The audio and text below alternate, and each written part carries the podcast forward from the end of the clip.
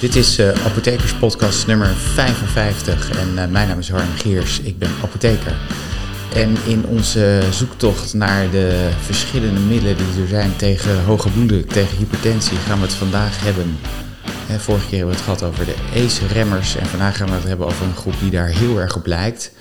De angiotensine receptorblokkers, uh, hoe heten die? En... Um, die lijken heel erg op de ACE-remmers, maar ze werken toch net ietsje anders. Ehm, hoe werken ze dan? Nou, zoals, uh, zoals we vorige keer besproken hebben bij die uh, ACE-remmers, die remmen de, het angiotensin converting enzyme. En de angiotensine receptorblokkers die werken eigenlijk net een stapje daarna. Die angiotensine receptorblokkers die blokkeren namelijk de angiotensine 2 receptoren. Receptoren, sorry. Um, wat, wat is dat nou? Nou ja, die, die, dat angiotensine 2 dat wordt natuurlijk geremd door, uh, door, door een ACE-remmer. Dus dan krijg je minder angiotensine 2 wat aangemaakt wordt. En bij een angiotensine receptorblokker wordt wel angiotensine 2 aangemaakt. Maar kan dat angiotensine 2 niet met de receptor een interactie aangaan, omdat die receptor geblokkeerd wordt door de angiotensine receptorblokker. En uh, wat, heeft dat nou voor voordeel, zou je zeggen? Hè? Want nou ja, in principe heb je een ACE-remmer, maar we hadden, de vorige keer hadden we het al over dat die ACE-remmers ook um, uh, de afbraak van bradykinine remmen. En bradykinine, daarvan hadden we gemerkt dat bijwerking uh, kwam, dat voorkwam was hoest. Uh, bij uh, bij angiotensine receptorblokkers komt hoest veel minder voor als bijwerking. Het komt nog wel voor, maar veel minder.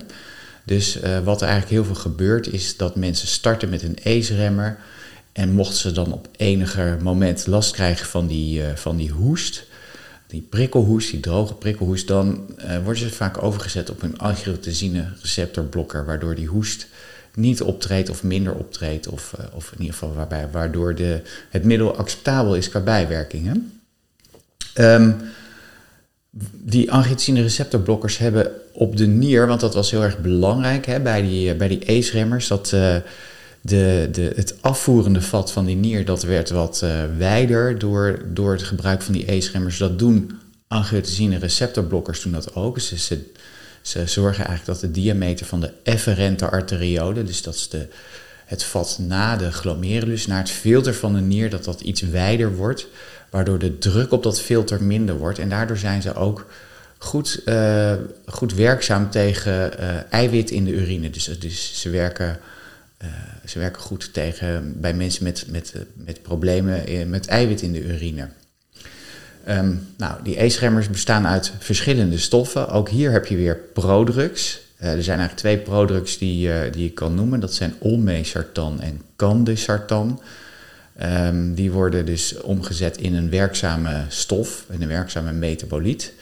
Uh, en uh, candesartan, uh, dat kan je één tot twee keer per dag gebruiken en olmesartan eenmaal daags. Dan heb je ook de uh, angiotensine receptorblokkers die geen product zijn. Dat zijn natuurlijk veel meer dan de, bij de ACE-remmers. een beetje aparte vogel daarin, dat was tegelijk ook de eerste angiotensine receptorblokker die er uh, uitgevonden was, die op de markt kwam in Nederland, dat was losartan. Losartan zelf heeft effect, effectiviteit, maar die wordt ook omgezet in een actieve metaboliet. Dus die wordt omgezet in een stof die een nog sterkere effectiviteit heeft, namelijk 10 tot 20 keer potenter dan losartan. En daardoor is het ook eigenlijk een soort prodruk, maar net niet helemaal, want de, de losartan zelf heeft ook effectiviteit. Um, de, de, grote verschillen tussen die, uh, die, die, die angiotensine receptorblokkers zitten hem eigenlijk in de farmacokinetiek. En als u wil weten wat farmacokinetiek is, moet u uh, de reis van het geneesmiddel door het lichaam een keertje beluisteren nog misschien. Um, maar uh, ja, dus, dus, dus, dus, die, die verschillen, dus, dus we hebben een aantal dus die geen product zijn, dat, was ik, had ik, dat randje had ik nog niet genoemd.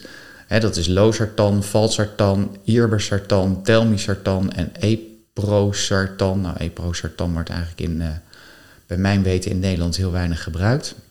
Maar die andere drie of vier wel, dus losartan, valsartan, irbesartan en telmisartan. Ja, wat zijn nou die verschillen tussen die middelen? Hè? Het, het, is vooral de farmacokinetiek, dus de, de, de tijd dat ze werken. Hè? De halfwaardetijd bijvoorbeeld van valsartan is 9 uur. En daardoor kan je het één keer per dag geven. Van irbesartan is het 11 tot 15 uur en daardoor kan je het ook één keer per dag geven. Telmisartan heeft zelfs een halfwaardetijd van 24 uur. Dus dat zijn allemaal dingen die je in overweging kan nemen. Nou, verder zijn ze natuurlijk chemisch gezien wat verschillend, zijn chemisch gezien verschillende stoffen. En uh, dat maakt ook dat, ja, mochten er wat bijwerkingen optreden, dan, uh, dan, dan, dan, heb je, dan kan je een andere middel proberen. Maar goed, die bijwerkingen zijn overigens vooral hetzelfde als bij de ACE-remmers, behalve dan die hoest. Hè. Dus duizeligheid treedt vooral op door, door bloeddrukdaling. En uh, natuurlijk, uh, de, de nierfunctie neemt iets af, en, maar dat is juist positief, hadden we vorige keer uitgelegd. Nou, die, die uh, angiotensine receptorblokkers zijn natuurlijk ook heel goed onderzocht. Ze zijn ook al best wel lang op de markt, minder lang dan ACE-remmers. Dus eigenlijk is het nog steeds verstandig om als je zo'n stof wilt gaan voorschrijven als, als dokter die, die werkt op het renine-angiotensine-aldosteron systeem, dan is eigenlijk een ACE-remmer eh, het middel om mee te beginnen. En mocht er dan bijwerkingen zijn, bijvoorbeeld zo'n prikkelhoest, dan kan je eh, overstappen op een angiotensine receptorblokker. Um, die zijn bijzonder effectief. Uh, er is een, wat ik gedaan heb, is ik heb gekeken naar, naar, naar zeg maar meta-analyses. Dat, zijn, dus, dat, dat was heel veel studies op elkaar schuiven en daar dan de effecten van bepalen als je al die studies bij elkaar op een hoop gooit. En um, nou, wat ik gevonden heb is een, een grote meta-analyse uit 2019 eh, uit de Journal of uh, Human Hypertension. Daar werden ACE-remmers tegenover angiotensine receptorblokkers getest. Nou, dat is natuurlijk relevant, want nou ja, ze, dus ze zijn een beetje uitwisselbaar eigenlijk. Hè? En er is gekeken naar het effect op de, op de mortaliteit, op de sterfte. Nou, wat je dan eigenlijk ziet, is dat er geen verschil is tussen ACE-remmers en angiotensine receptorblokkers. En dat geldt zowel voor de totale sterfte, voor de cardiovasculaire sterfte, het uh, krijgen van een, uh, van een fataal of niet fataal hartinfarct en het krijgen van een, uh, van een herseninfarct, een CVA. Dus daarin verschillen die middelen eigenlijk niet. Um, er lijkt een klein voordeel te zijn als je een angiotensine receptorblokker hebt in de ziekenhuisopname voor hartfalen. Um, wat kan, als je lang, lang hoge bloeddruk hebt, dan kan er hartfalen ontstaan. Omdat ja, het lichaam zo, het hart zo hard moet werken om die bloeddruk te overwinnen, dat op een gegeven moment uh, er allerlei veranderingen optreden, waardoor het hart minder goed gaat werken.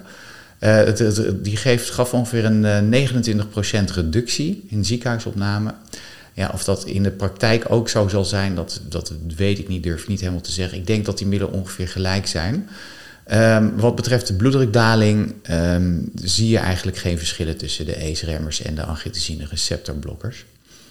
Er zijn wel wat, uh, wat onderzoeken gedaan in, uh, in, in subpopulaties, zoals die dan heten. Hè? Mensen met diabetes en chronische nierschade bijvoorbeeld. Daar wordt gekeken naar het effect op, uh, op albuminurie. En dan zie je dat uh, uit een meta-analyse uit uh, Kidney and Blood Pressure Research blijkt dat die heeft zes trials met angiotensine receptorblokkers getest en twintig met ACE-remmers. Die ACE-remmers heb ik al genoemd in, het vorige, in de vorige podcast. Maar dan zie je dus dat de kans op, op eindstadium nierfalen dus dat eigenlijk mensen aan de dialyse moeten, dat die met 23% wordt gereduceerd bij angiotensine receptorblokkers. En ook dat er een minder kans is op het krijgen van acute nierschade of acute nierfalen. En die kans is 25% verminderd. Dus dat is uh, heel belangrijk om te weten, maar dat geldt ook vooral voor ACE-remmers. En verder is er onderzocht in mensen van uh, Afro-Amerikaanse afkomst. Uh, daar zie je dat eigenlijk um, zowel ACE-remmers als uh, angiotensine receptorblokkers minder uh, effect hebben op de bloeddruk uh, als je die als, als monotherapie geeft. Dat betekent dus monotherapie alleen maar een angiotensine receptorblokker. En dat is ook wel logisch, omdat bij Afro-Amerikanen de, de hoeveelheid renine, hè, wat die renine, die zorgt eigenlijk dat angiotensinogeen dat in de lever gemaakt wordt, omgezet wordt in angiotensine 1.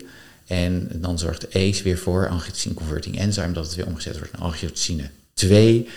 En als die renine-activiteit heel erg laag is, ja, dan, is het effect op de bloeddruk ook minder. Maar als je het dan gaat combineren met stoffen die dat renine-angiotensine systeem juist een beetje stimuleren, bijvoorbeeld uh, de thiazide diuretica, dan zie je dat de uh, combinatietherapie dus eigenlijk het effect hetzelfde is in mensen met een, met een laag reninegehalte, dus in, vooral in Afro-Amerikaanse mensen, mensen die, die dus een donkere huid hebben, zie je dat dat, zie je dat, dat gebeurt. Um, er is in, in Nederland ook een, een heel schandaal geweest over die uh, angiotensine receptorblokkers, oftewel de sartanen. Ze, heten allemaal ze eindigen allemaal met sartan.